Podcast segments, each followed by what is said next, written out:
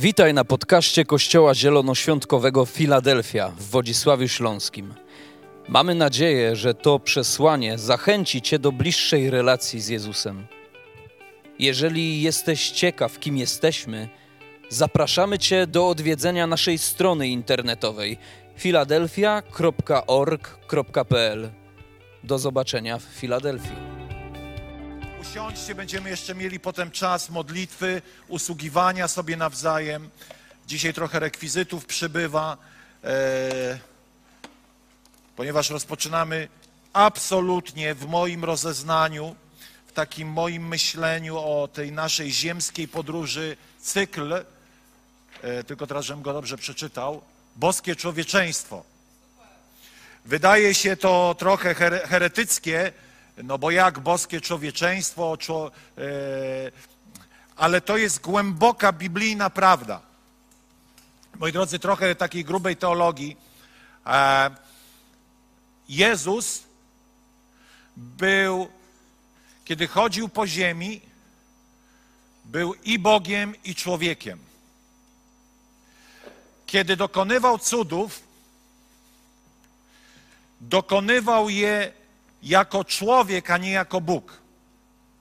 Jesteście ze mną? Kiedy był w ciele, był ograniczony ciałem. Cześć Bogusiu, dobrze Cię widzieć. Przywitajmy Bogusię. Bogusia to jest, e, e, nie wszyscy wiedzą, bo tu widzisz ile ludzi przybywa i w ogóle co się dzieje. E, Bogusia to jedna z tych pionierek, która razem z nami zaczynała e, Filadelfię, pracowała z młodzieżą, dzisiaj mieszka w Wielkiej Brytanii ze swoim mężem. A mąż jest? Niestety nie pozdrawiamy męża, e, także Bogusiu, dobrze Cię widzieć zawsze u nas, ale kiedy Jezus chodził po ziemi, to był ograniczony ciałem. Wiemy o tym, że Jezus, e, e, pomimo że był Bogiem, to był w ograniczonym ciele. Z jednej strony Bóg jest wszechmocny, ale z drugiej strony Jezus świadomie nałożył na siebie ograniczenie ludzkiego ciała, żeby do krzyża zostać przybitym jako doskonały człowiek. Człowiek bez grzechu. Ale prawda jest o tym ciele, że to ciało miało swoje ograniczenia, wady, moglibyśmy powiedzieć niedoskonałości. To nie jest tak, że Jezus przyszedł na ziemię i był takim, wiecie, UFO, które nie męczyło się, nie miało dylematów, może nie tyle dylematów, co nie podlegało presji, aby mieć dylematy. To nie było ciało, które nie było, jakby nie podlegało pokuszeniu. Halo, wiecie, że Jezus był kuszony? A kiedy by uległ kuszeniu, jego ofiara by się nie liczyła. List do Hebrajczyków mówi, że Jezus był doświadczony we wszystkim, słuchajcie, we wszystkim za wyjątkiem tylko jednej rzeczy, a mianowicie grzechu. Tylko jednej rzeczy.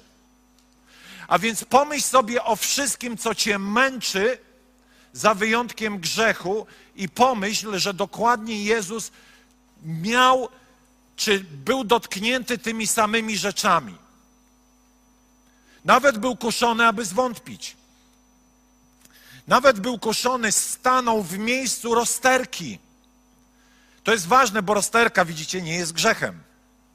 Jezus stanął w Getsemane i mówi: Ojcze, jeśli to możliwe, oddal ode mnie ten kielich. A więc jestem na rozdrożu, chciałbym, abyś pomyślał, czy mogę nie iść na krzyż. Chciałbym, abyś zastanowił się, czy jest jakaś opcja mniej drastyczna. Ale ostatecznie Jezus nie uległ tej rozterce. Wyobraźcie sobie, co by się działo, to znaczy nic by się działo, nas by nie było w tym, w tym duchowym układzie, gdyby Jezus powiedział: Kurczę, jednak się cykam, nie idę.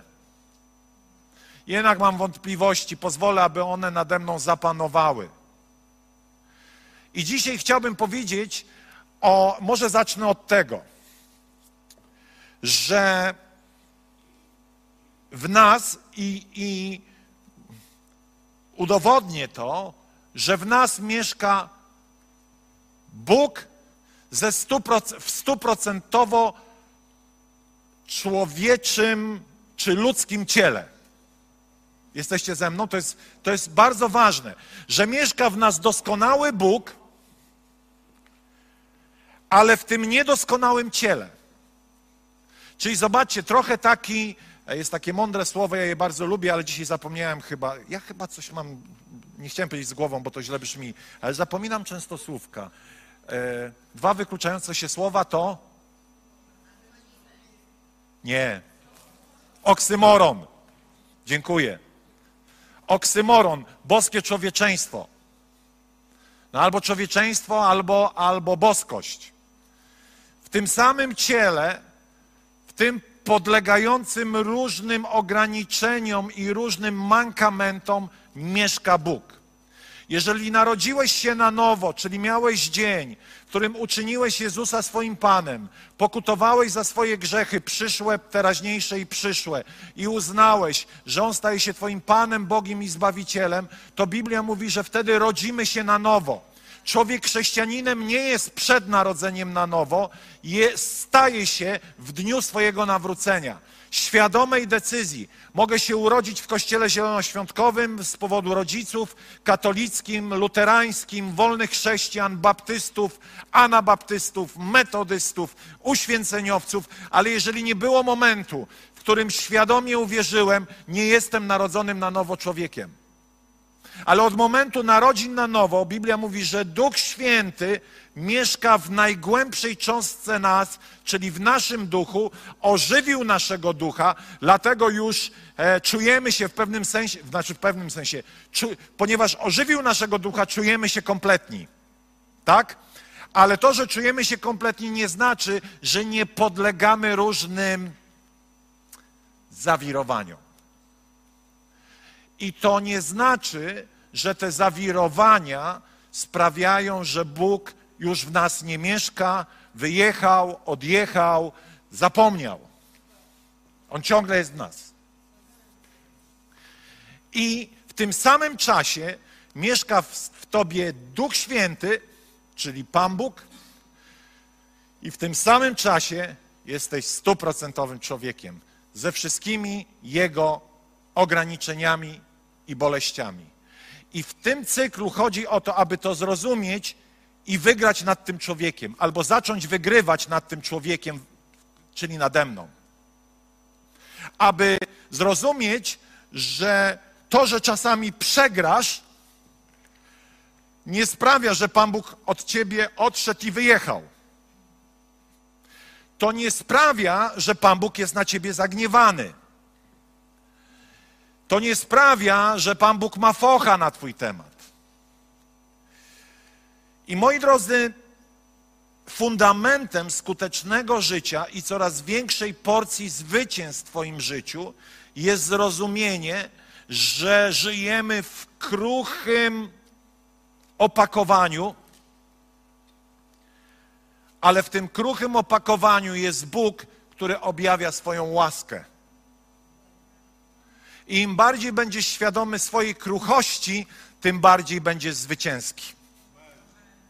Im bardziej będziesz rozumiał, że jedno drugiego nie wyklucza, a więc świadomość mojej kruchości wzmacnia Bożą obecność, tym bardziej zaczniesz widzieć w coraz większym obszarze Twojego życia zwycięstwo. A, oto apostoł Paweł, który się z, różnymi rzeczami, bibliści nie wiedzą do końca z czym, ale z czymś, co, co go męczyło i uświadamiało mu jego kruchość, oto pisze tak. Oto kiedy modlił się, mówi, Panie, zabierz tą słabość ode mnie, czy zabierz tę, tą boleść jakąś, tą niedoskonałość.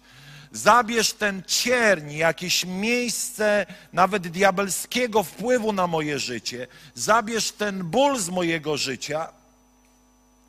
A Pan mówi, lecz powiedział do mnie, dosyć masz, gdy masz łaskę moją, albowiem pełnia mej mocy okazuje się w słabości.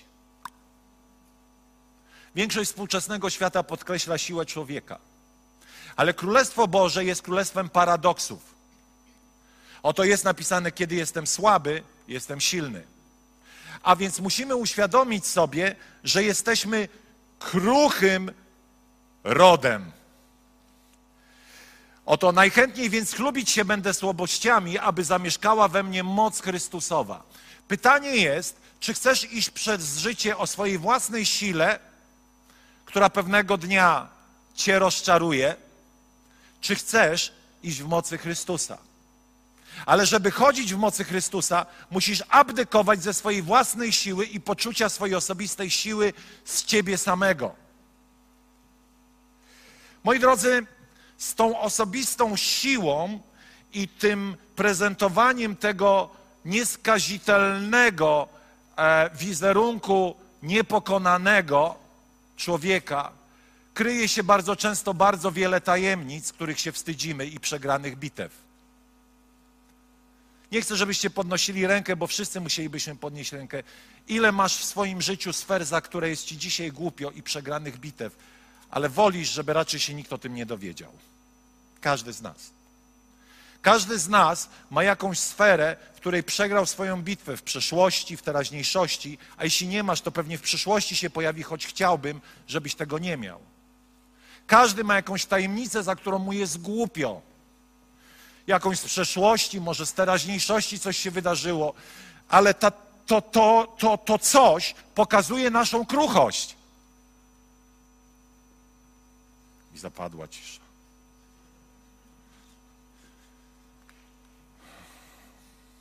Inne tłumaczenie tego fragmentu mówi: Dlatego, by mnie uchronić przed pychą, wbito mi w ciało kolec. Jakby anioł szatana zesłany, by mnie upokarzać, żebym się nie wynosił. W tej sprawie trzy razy prosiłem Pana, aby go zabrał ode mnie, ale mi odpowiedział: Wystarczy ci moja łaska, w słabości doskonali się moc. To jest niesamowite. Czyli w tej słabości, w tej świadomości Twojej i mojej kruchości będzie udoskonalała się, czyli zwiększała się, będzie progresja Bożej mocy, która będzie sprawiała, że będzie stawał się zwycięzcą. Tak chcę, by dzięki temu zamieszkała we mnie moc Chrystusa. Dlatego chwalę sobie słabości, zniewagi, potrzeby, prześladowania, uciski dla Chrystusa. Bo kiedy jestem słaby, wtedy jestem mocny.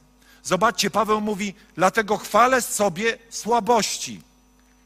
Jaki dureń będzie chwalił swoje słabości? Jaki dureń będzie otwarcie mówił, że fajnie, że mnie znieważają? Jaki kretyn będzie cieszył się z prześladowań i ucisku? A tu jest dodane dla Chrystusa. Wielu chrześcijan, gdyby miało więcej mądrości, przestałoby mieć przynajmniej 70% mniej uci, u, u, u, ucisków, które są wyrazem naszych głupich decyzji. Ja często to powtarzam. Pastorze, diabeł niszczy moje finanse. A co zrobiłeś? No, skusił mnie szatan, żebym wziął te kredyty. To nie szatan cię skusił. To brak wewnętrznej siły, ponieważ tak bardzo byłeś pewny swojej siły. To brak charakteru, to brak mądrości. A diabeł siedzi w kącie skulony i mówi, ale ja nic z tym nie mam wspólnego. A więc nie nazywajmy prześladowaniami tego, co są, czym raczej są błędne decyzje, ale Paweł mówi, szczycę się prześladowaniami. Kiedyś miałem zwariowaną myśl, ale potem ją zgromiłem, bo stwierdziłem, że nie wiem, jakbym się zachował. Serio, jakiś tydzień temu pomyślałem sobie tak. Jakby to pięknie było umrzeć dla Jezusa. Czułbym się wyróżniony. A potem stwierdziłem, ale ja nie wiem, jakbym się zachował. Każdy cwaniakuje, kiedy nie jest w tym miejscu. O, panie, pamiętacie Piotra? O tym też będę mówił. Piotr dokonał najgorszej rzeczy. Zdradził. Ale zanim zdradził, powiedział: Panie, ja się ciebie nie zaprę. Ja zmiażdżę system. Ja będę trwał, stanę, oni będą mnie pluli, biczowali, a ja pójdę jak ty. Niech mnie wyzywają. Baby się przestraszył. Przepraszam za te seksistowskie stwierdzenie. Kobiety, tak. Tak, tak, kobiety, kobiety. A taki wojownik był, rybak. Pięć ton zarzucał ryb na plecy i szedł. Przyszła kobieta, mówi, eta on! On, ja? To nie ja. Zobaczcie, jak czasami potrafimy być krusi. Jak przegrywać bitwy, które wydają nam się, że wygramy.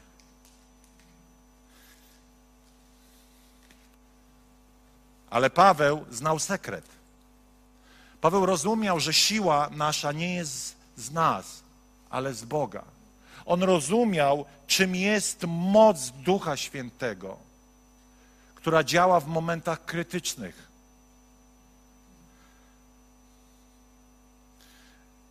Ale ta moc działająca w nas, ujawniająca się w słabościach, nazywamy ją w chrześcijańskim nauczaniu łaską czyli niezasłużonym obdarowaniem czymś. Tym wypadku Bożą obecnością, która czyni z nas, kruchych ludzi, niezwycię- niepokonane naczynia. Niepokonane, niepokonanych. Ale najpierw trzeba być słabym, żeby stać się niepokonanym. A więc nasze zbawienie jest z łaski. Nasze owoce, te dobre owoce są z łaski. Nasza służba jest z łaski. Nasze dary są z łaski. Nasze powodzenie finansowe jest z łaski. Życie wieczne przede wszystkim jest z łaski. Po prostu wszystko jest darem dla kruchych ludzi, którzy uświadomią sobie, że są w miejscu potrzeby i kruchości.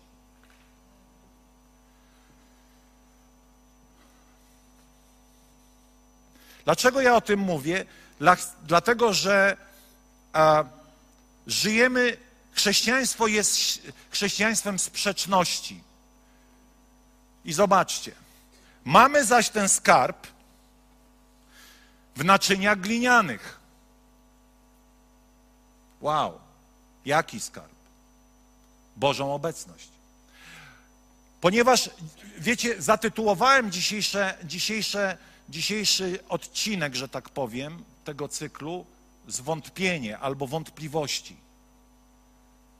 Kto nie miał nigdy w chrześcijańskim życiu wątpliwości, ręka w górę? Jak ktoś by podniósł, powiedziałbym, lekarz czeka, ponieważ wyrwali ci system nerwowy. Nie działa.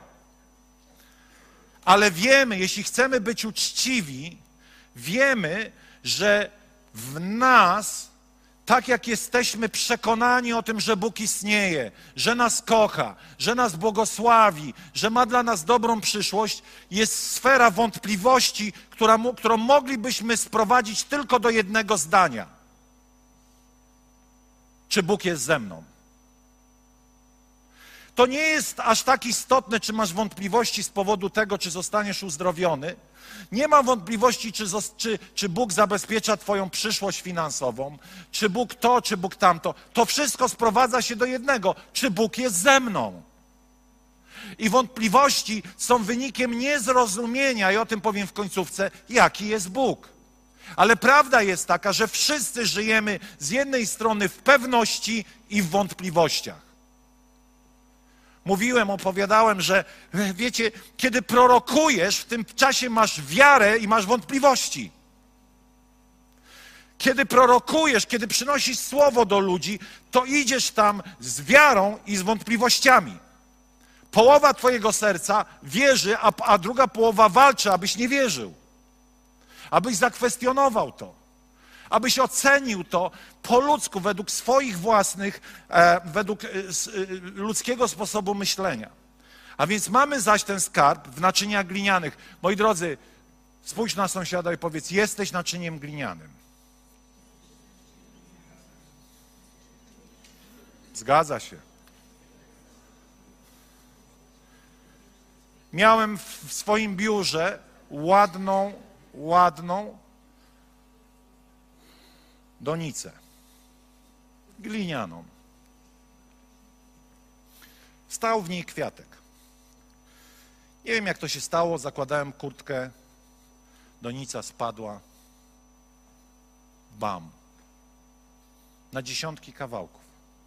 Pomyślałem sobie, jakbym kupił plastikową, to by się nie szczaskała. Ale plastik, glina, to już wolę tą zwykłą, ale glinianą. To jest jakiś objaw czegoś innego, czegoś naturalnego. Ale prawda jest taka, że jesteśmy naczyniem glinianym. Jak pięknie nie bylibyśmy ozdobieni, to ciągle jest glina. Kruchość nasza, o tym jest mowa. Jesteś kruchym, delikatnym naczyniem. Ale prawda też jest taka, za chwilę o tym powiem, może jeszcze coś tutaj poczytamy mądrego. A więc jesteśmy naczyniem glinianym, czyli naczyniem kruchym i ograniczonym. Ale prawda jest taka, że nie jest ważne, z czego jesteś, ważne jest, co w sobie nosisz. Samo naczynie nie ma w sobie wielkiego znaczenia do momentu, dopóki nie zostanie czymś wypełnione. Zgadzacie się z tym? Z jednej strony żyjemy w poczuciu kruchości, z drugiej w poczuciu mocy Bożej działającej w nas i przez nas. Twoja kruchość, posłuchaj tego, nie wyklucza mocy Bożej w tobie.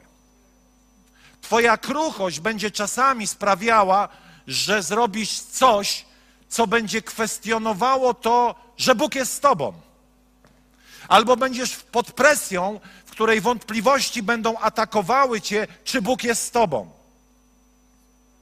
I będziesz ciągle żył, i teraz właśnie o to w tym chodzi, że to kruche naczynie musi wypełniać się właściwymi rzeczami, aby według prostych praw, jeśli jesteś czegoś pełny, to nie możesz być czegoś innego pełny.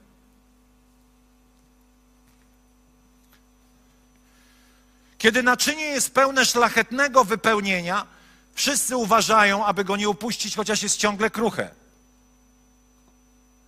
To, co w sobie nosisz, będzie decydowało, kim będziesz, pomimo że ciągle będziesz kruchym naczyniem. Zobaczcie, tu jest rekwizyt, jak w tym laboratorium chemicznym. Woda.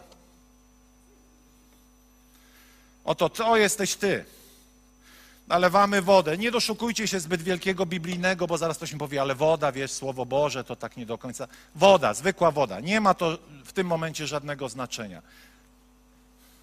Ma to jakieś wielkie znaczenie, co tam jest w środku? Ma czy nie ma? No chyba, że jesteś na pustyni i umierasz. Ale tu pośród nas, jakie ma, no myślcie trochę, ile ma, jakie ma wartość to, że jest tam 150 gram wody? Nie ma czy ma?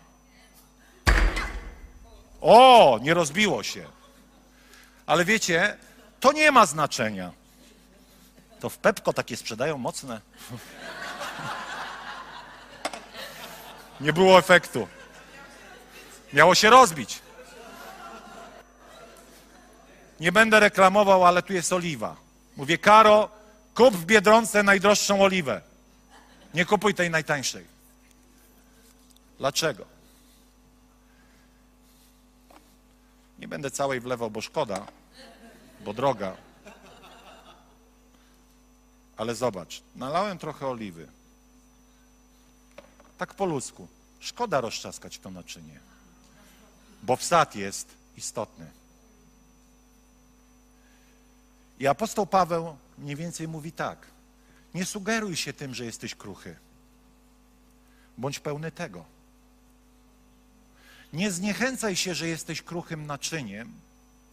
Zachowaj siebie od rzeczy pospolitych, ponieważ musisz mieć miejsce na rzeczy szlachetne. Życie chrześcijanina to jest z jednej strony życie w kruchym opakowaniu, w którym napełniamy się szlachetnymi rzeczami. Jesteście ze mną? Dlaczego o tym mówię? Aby ciągle podkreślić, że Twoja kruchość nie wyklucza obecności Bożej. Że to kruche naczynie, jakim jesteśmy, nawet czasami pobijane, posklejane, jednak ciągle może unieść drogocenną oliwę w swoim wnętrzu. Zgadzać się z tym? Zobaczcie, ja teraz ostatnio się wkręcam w takie oglądanie filmów dokumentalnych o Egipcie. I wiecie, dla tych e, archeologów te odkrycia mają takie znaczenie, że znajdują jakiś stary garnek, i tak długo kopią, aż znajdą najwięcej różnych tam elementów tego naczynia, i potem je sklejają, rekonstruują. I najciekawsze jest to, że mają taką technikę rekonstrukcji, że to, to naczynie, jakby się upadli, nikt by nie zauważył, że ono jest poklejone i z powrotem spełnia swoją funkcję. To kruche naczynie, które w pogrzebie faraona, Ramzesa I, Tutanchamona, było pełne różnych drogocennych rzeczy, ale też było pełne różnych przeciętnych rzeczy. I te przeciętne przepadły, zniknęły, ale złote wisiory, pierścionki i różne sygnety zostały. Miały wartość wieczną, niezniszczalną. I teraz zobaczcie, co mówi apostoł Paweł do nas.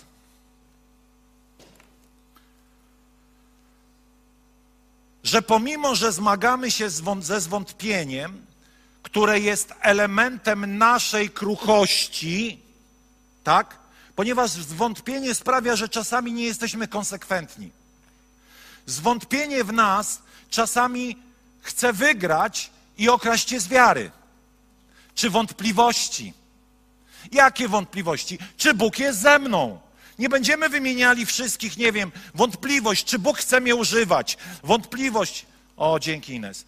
E, wątpliwość, nie wiem, jak dam na kolektę, czy będę miał na chleb. Wątpliwość, czy Bóg chce mnie uzdrowić. Wątpliwość, jaką służbą mam się zająć. Wątpliwość, gdzie mam studiować i tak dalej. Żyjemy poddani wielu rozterkom i, i wątpliwościom, ale tak naprawdę chodzi tylko o jedno. Czy Bóg jest ze mną? Ponieważ wszystkie wątpliwości pochodzą z tego dylematu i diabelskiego kłamstwa, które mówi: Bóg nie jest z tobą, bo jesteś kruchy. Bóg nie jest z tobą, bo zawiodłeś. Bóg nie jest z tobą, bo masz wątpliwości. Mogę wam udowodnić w Słowie Bożym, ci wszyscy wielcy mężowie to byli mistrzowie wątpliwości. Oto Gedeon. Pan powołuje Gedeona. Ten to w ogóle był kosmita sprawdzania, czy aby na pewno. Pan jednak, oto Gede, Pan przychodzi do Gedeona, za przeproszeniem mój Panie, czy mam wybawić, e, czy mam wybawić Izraela? Zauważ, że mój ród jest najbiedniejszy wśród Manasesytów, a ja jestem najmłody, najmłodszy z domu mojego ojca. Co to są? Wątpliwości. Ale i dalej, ale dalej. Gedeon wciąż, Pan jednak zapewnił go, ponieważ ja będę z tobą, podbijesz Midianitów co do jednego. Super. Miał wątpliwość, przyszedł Pan, powiedział, będę z tobą. Ale dalej, Gedeon wciąż był niepewny. Proszę, powiedział, jeśli znalazłem łaskę, czyli jeśli jesteś ze mną, w Twoich oczach, to daj mi jakiś znak, że to Ty rozmawiasz ze mną. Nie odchodź stąd, proszę, aż wrócę do Ciebie i położę przed Tobą mój dar. A on odpowiedział: Dobrze, pozostanę, aż wrócisz. Czyli wątpliwość numer jeden: jestem do bani, jestem do niczego, jestem mały, taki, siaki, owaki. Po drugie, jeśli jesteś ze mną, to poczekaj, bo ja tutaj przygotuję ołtarz z ofiarą. Wydaje się, no dobra, dwa razy ogarnął. Ale tutaj mamy dalej. Gedeon zaś zwrócił się do Boga. Jeśli naprawdę, jak zapowiedziałeś, chcesz wybawić mnie, wybawić przeze mnie Izraela, to pozwól, że rozłożę na klepisku runo wełny, jeśli rosa będzie tylko na, na runie, a cała ziemia wokół pozostanie sucha, wtedy będę pewny, że jak powiedziałeś, chcesz przeze mnie wybawić Izrael. Matko jedyna, ile jeszcze? Dobra, dalej. Jak prosił, tak się stało. Gdy wstał na zajutrz, ścisnął runo, wycisnął z runa rosę pełny kubek wody. Jednak Gedeon znów zwrócił się do Boga. Czy to kogoś nam nie pokazuje? A jednak ten Gedeon jest w Biblii jako bohater wiary. Ta trąba z wątpliwościami. Wiecie, I Bóg miał do niego cierpliwość, bo Bóg zna naszą kruchość. Bóg wie, że jesteśmy na wojnie między wiarą i wątpliwościami. I wie, że do końca tego świata będziemy żyli w wierze i w wątpliwościach. Boję się ludzi, którzy mają tylko wiarę i nie mają żadnych wątpliwości. Boję się, że ktoś mówi zawsze wierzę. Boję się ludzi, którzy doszli do takiego miejsca, w którym sprawiają wrażenie jak ten Piotr. Panie, cokolwiek by się wydarzyło, lepiej, lepiej podążać ze świadomością swoich słabości, niż udawać, wiecie co Biblia mówi, kto mówi, że stoi, niech uważa, aby nie upadł. To nie czyni mnie chwiejnym, kiedy jestem świadom swoich słabości, ponieważ wtedy zapraszam Bożą łaskę. Ale Gedeon właśnie w tej chwiejności, Panie, mówi, jeśli to Ty, ja potrzebuję wiedzieć, że Ty jesteś ze mną. Ja potrzebuję wiedzieć, że Ty jesteś ze mną. I Pan przychodzi i mówi, dobra, odpowiem raz, drugi, trzeci, czwarty, piąty. Żebyś wiedział. Oto czytamy w Nowym Testamencie, kiedy uczniowie z jednej strony chodzili, widzieli cuda, a z drugiej strony przychodzili, mówili: Dodaj nam wiary. Oto Piotr wychodzi z łodzi i idzie, idzie, idzie, patrzy na Jezusa, czyli nalał sobie do serca tej oliwy. Napełnił się nim, patrzy, ale nagle przyszła burza i nagle jego serce kieruje wzrok na coś innego i napełnia się tą atmosferą grozy i zaczyna tonąć. I co robi Jezus? Nic mnie to nie obchodzi, miałeś za moją wiarę, trudno, kipnij. O małowierny, czemu zwątpiłeś? Ale w tym małowierny ciągle podaje mu rękę. Ponieważ chrześcijaństwo polega na tym, że rozumiemy swoją boską obecność Jego w nas, ale tak samo pomagamy, pomagamy, pomagamy przełamywać naszą kruchość, która żyje równolegle do Jego obecności. Oto apostoł Paweł, czempion, gigant i kosmita, mówi tak. Chcę bowiem, abyście nie, wiedzieli, abyście, wiedzieli, abyście nie wiedzieli, bracia, o utrapieniu naszym, jakie nas spotkało w Azji. Dlaczego nie wiedzieli? Coś tu jest pomylone. Abyście wiedzieli o utrapieniu naszym. Zobaczcie, Paweł przy, przyznaje się do słabości iż ponad miarę i ponad siły nasze byliśmy obciążeni tak, że nieomal zwątpiliśmy o życiu naszym. Co on mówi? On mówi, że byliśmy zmęczeni. Są chrześcijanie, którzy zawsze są aleluja, nigdy nie są zmęczeni, zawsze mają doskonały humor. Ja taki nie jestem. I on taki nie był. Więc wolę być taki jak on, niż taki jak ty. Iż ponad miarę i ponad siły nasze byliśmy obciążeni tak, że nieomal zwątpiliśmy o życie nasze. Czyli ten wielki apostoł Paweł zwątpił, że tym razem będzie happy end. Że jednak kaplica. Zabiją. Ale wiemy, że nie zabili.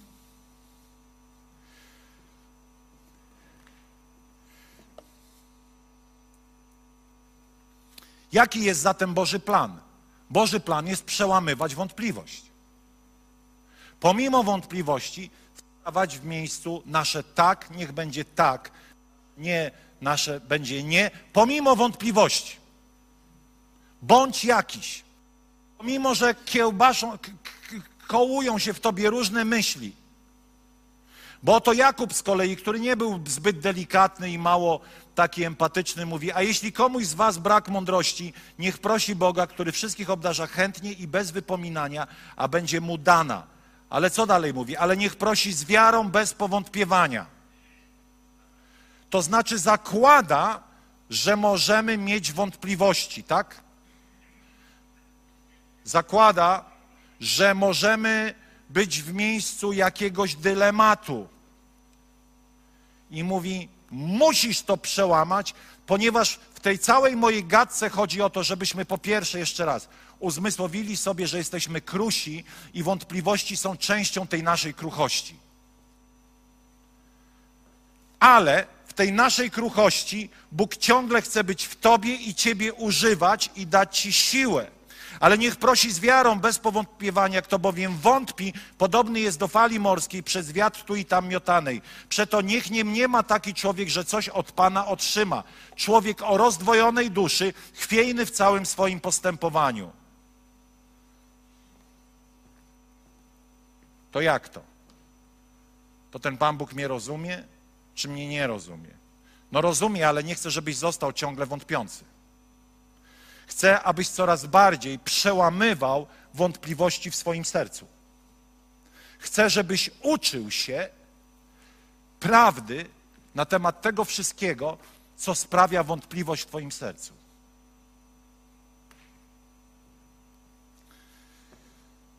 Dobrze, dobrze, dobrze. Ale musimy wrócić do tego fragmentu. Skarb ten mamy w naczyniach glinianych. Nie, to nie to, przepraszam.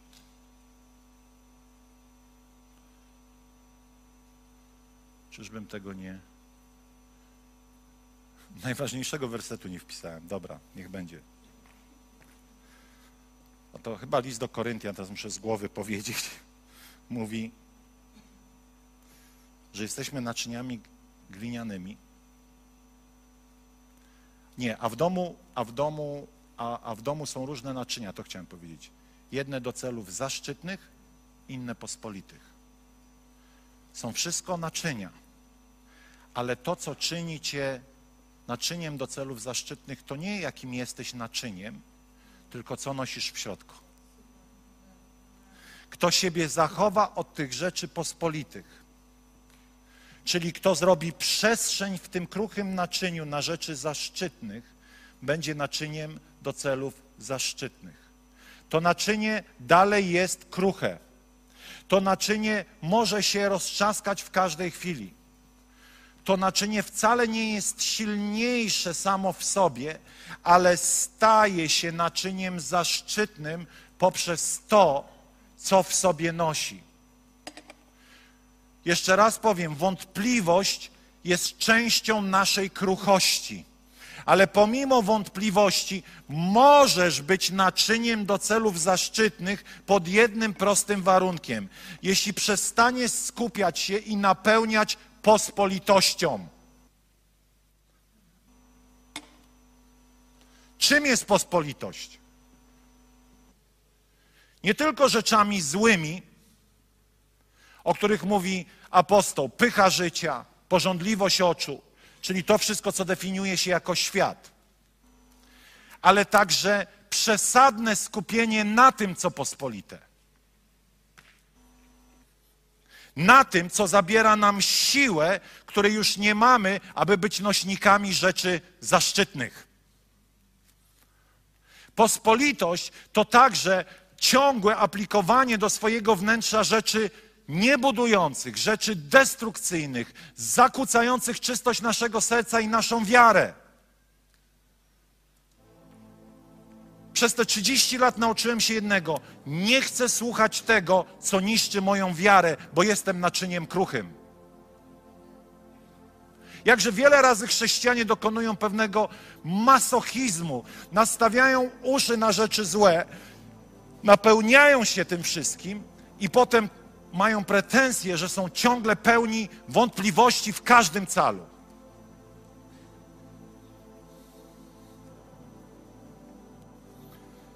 Dlatego dzisiaj rozmawiamy i mówimy: bądź pełny Bożej obecności, bądź pełny rzeczy szlachetnych, nie napełniaj się rzeczami pospolitymi, ponieważ nie będzie miejsca na rzeczy szlachetne. Jeśli na, nasypałbym tutaj popiołów z papierosów, to trudno mi będzie, jako taki, wiecie, wyraz, no po prostu czegoś nieestetycznego. Ciągle powtarzę każdemu z was i wy wiecie i się nie obrażacie, że jak palisz, to jesteś niemądry, więc przestań palić, ponieważ jesteś świątynią Ducha Świętego. Jesteś powołany do czystości, a nie żeby mieć raka. Więc e, to tak nie, że bez presji wiecie o co chodzi, ale nie pal, bo będziesz miał raka, także e, żebyś nie czuł presji, ale nie pal. Idziesz do nieba, ale lepiej iść do nieba w naturalny sposób niż na raka. E, przepraszam Was wszystkich.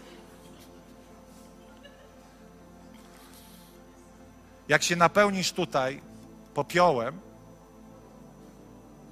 to szkoda tam wlewać oliwę. Dalej jesteś naczyniem, dalej masz powołanie być używanym przez Boga, ale trzeba coś z tym popiołem zrobić. Trzeba coś z tym wnętrzem zrobić.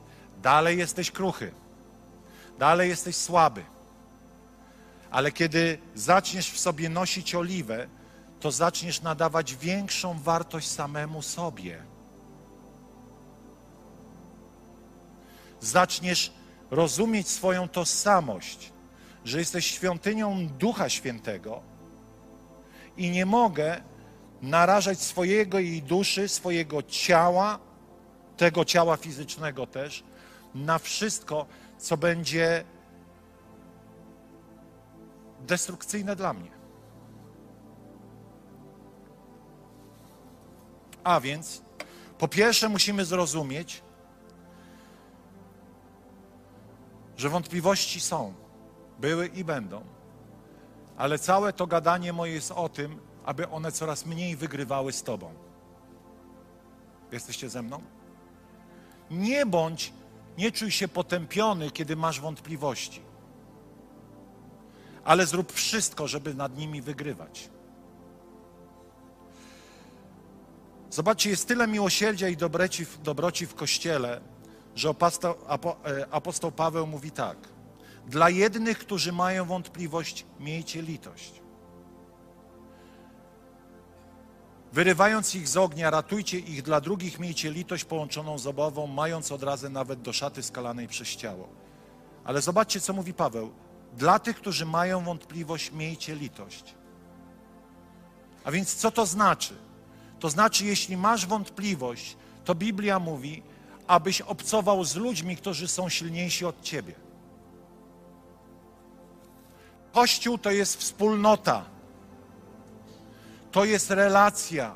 A więc, jeżeli ja jestem w czymś słaby, to chcę mieć połączenie z ludźmi, którzy w tym obszarze wygrali swoją bitwę. Chcę, aby o, chcemy i musimy to rozumieć, że łączymy się też po to, aby wygrywać nad wątpliwościami.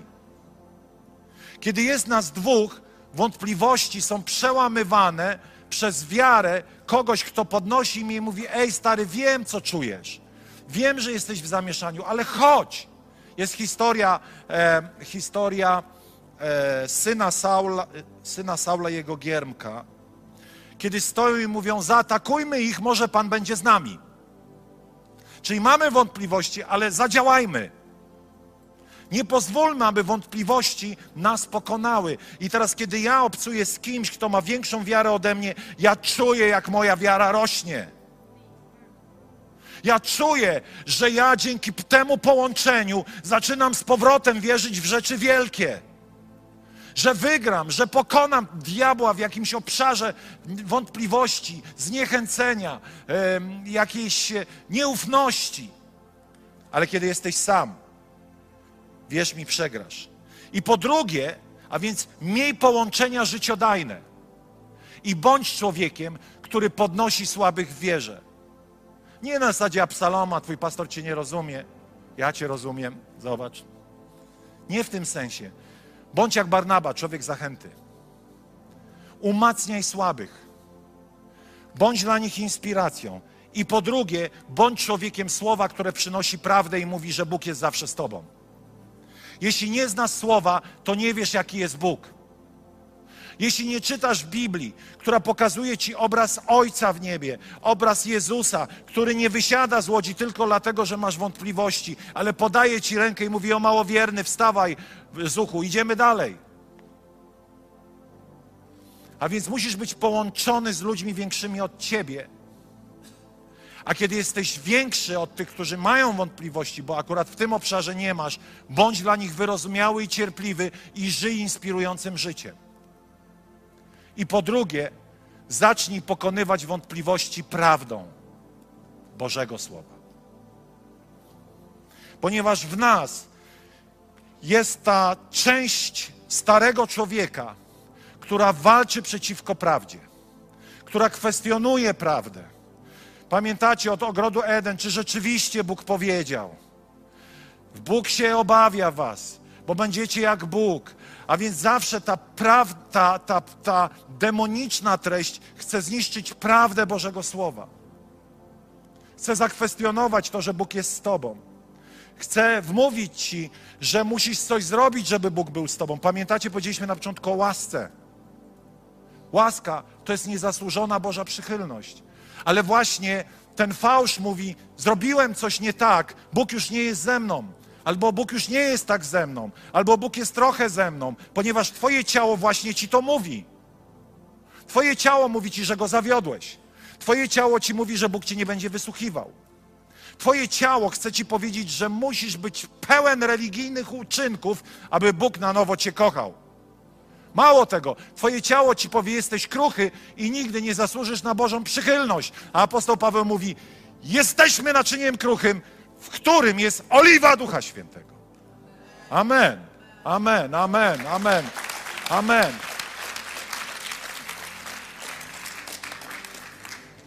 A więc, moi drodzy, powstańmy. Chciałbym, chciałbym dzisiaj zmierzyć się w modlitwie z Twoją wątpliwością. Chciałbym, abyś dzisiaj nie miał wątpliwości i przyszedł tu do przodu, abyśmy mogli sobie usługiwać. Chciałbym, abyś przestał być w wątpliwościach tam w ławce i wyszedł z wątpliwościami. Ale abyś pomimo swojej kruchości przyszedł i powiedział: Pastorze, pomódlmy się razem, abym przezwyciężył wątpliwości, tą niestałość, tą chwiejność wiary, to, tą całą moją kruchość, która sprawia, że nie mogę nosić Bożej obecności, bo napełniam się innymi rzeczami. Czas, Kościele, wyrzucić to, co zabiera przestrzeń dla Ducha Świętego. Czas te kruche naczynie zamienić w naczynie zaszczytne, ale to dobre. Wow. Czas zrozumieć, że jesteśmy powołani do tego, aby nosić w sobie oliwę, pomimo że ciągle jestem z cienkiego szkła. Zobaczcie, czy coś tu przecieka. Czy mogę to podać dalej? Mogę. Czy może to naczynie być użyteczne? Może. Pomimo, że jest kruche. Okazało się, że nie takie kruche, jak zakładałem. Wątpliwości są częścią naszej ziemskości. I dopóki żyjemy na tej ziemi, będziemy toczyli walkę z tym, co jest prawdą i tym, co podważa tą prawdę, czyli wątpliwościami. Ale Bóg mówi: Jesteś kruchym naczyniem. Będą różne napięcia w tobie, będą upadki, będą grzechy ale ja chcę Cię coraz bardziej wzmacniać, abyś kiedy zakończysz bieg, był tak bardzo podobny do mnie. Tydzień temu słyszeliśmy o obietnicach. Ilu z nas ma wątpliwości w Boże obietnice i się zmaga z tym? Panie, Ty obiecałeś, a nie widzę. Panie, kiedy to będzie? A może nie będzie? Panie, ile jeszcze mam czekać? Jak długo wytrwam? I Bóg patrzy na Twoje wątpliwości i, przy, i chce przyjść i umocnić Cię swoim słowem i otoczyć dobrymi ludźmi wokół Ciebie. Ale pamiętaj, to czym się napełnisz, tym będziesz. Jeśli walczysz z wątpliwościami, Kościele, to to jest ten moment, abyś podszedł tutaj do przodu, abyśmy mogli razem zgodzić się w modlitwie i powiedzieć, Panie, przyznajemy się do tego. Potrzebujemy te kruche naczynia zamienić w naczynia szlachetne, pomimo że one ciągle są kruche. Jeśli Bóg mówi dzisiaj do Ciebie,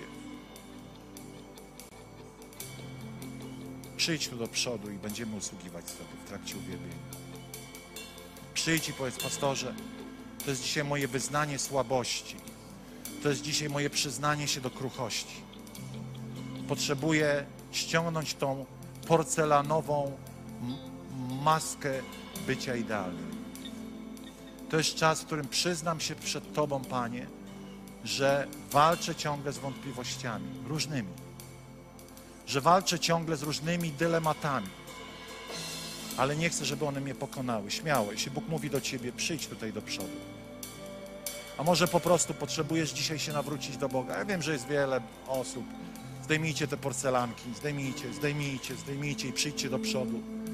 Zdejmijcie te wasze facebookowe, cudowne, retuszowane zdjęcia. Przyjdźcie tutaj do Jezusa dzisiaj. Miej tą odwagę, ponieważ dopiero wtedy Bóg zadziała. Dopiero wtedy Bóg zadziała. Jeśli nie ma świadomości swojej kruchości, nie ma miejsca dla Bożej łaski. Bracie, ale co ty pomyślisz? Ja nie jestem od myślenia o tobie. Nie jestem od osądzania. I nikt na tej sali nie jest od osądzania, dlatego że nikt nie zna serca człowieka. Ja jeszcze poczekam. Ja jeszcze poczekam.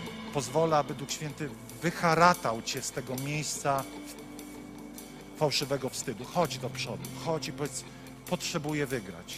Potrzebuję zwyciężać pomimo kruchego ciała. Pomimo tej kruchej skorupy. Śmiało, śmiało.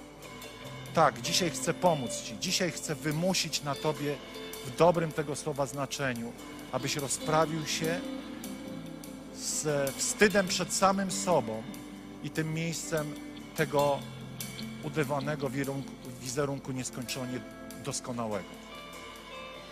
Jeszcze chwilę. Chodź, śmiało. Przyjdź do Jezusa dzisiaj z Twoją słabością. Może to robiłeś już kilka razy. Nieważne, przyjdź. Kiedyś zaskoczy. Kiedyś zaskoczy i wygrasz. Są bitwy, które toczymy czasami po 10-15 lat. Ale potem mówimy, wygrałem. Wygrałem. Pomimo, że byłem tak kruchy i jestem tak kruchy. Kto jeszcze? Jeszcze śmiało. Niech Bóg mówi do Ciebie. A potem będziemy uwielbiać Jezusa i podchodzić do Was i modlić się z Wami. Dziękujemy Ci, Panie. Kto jeszcze? Jeszcze chwilę. Jest wiele osób, ale jeszcze chwilę. Dziękujemy Ci.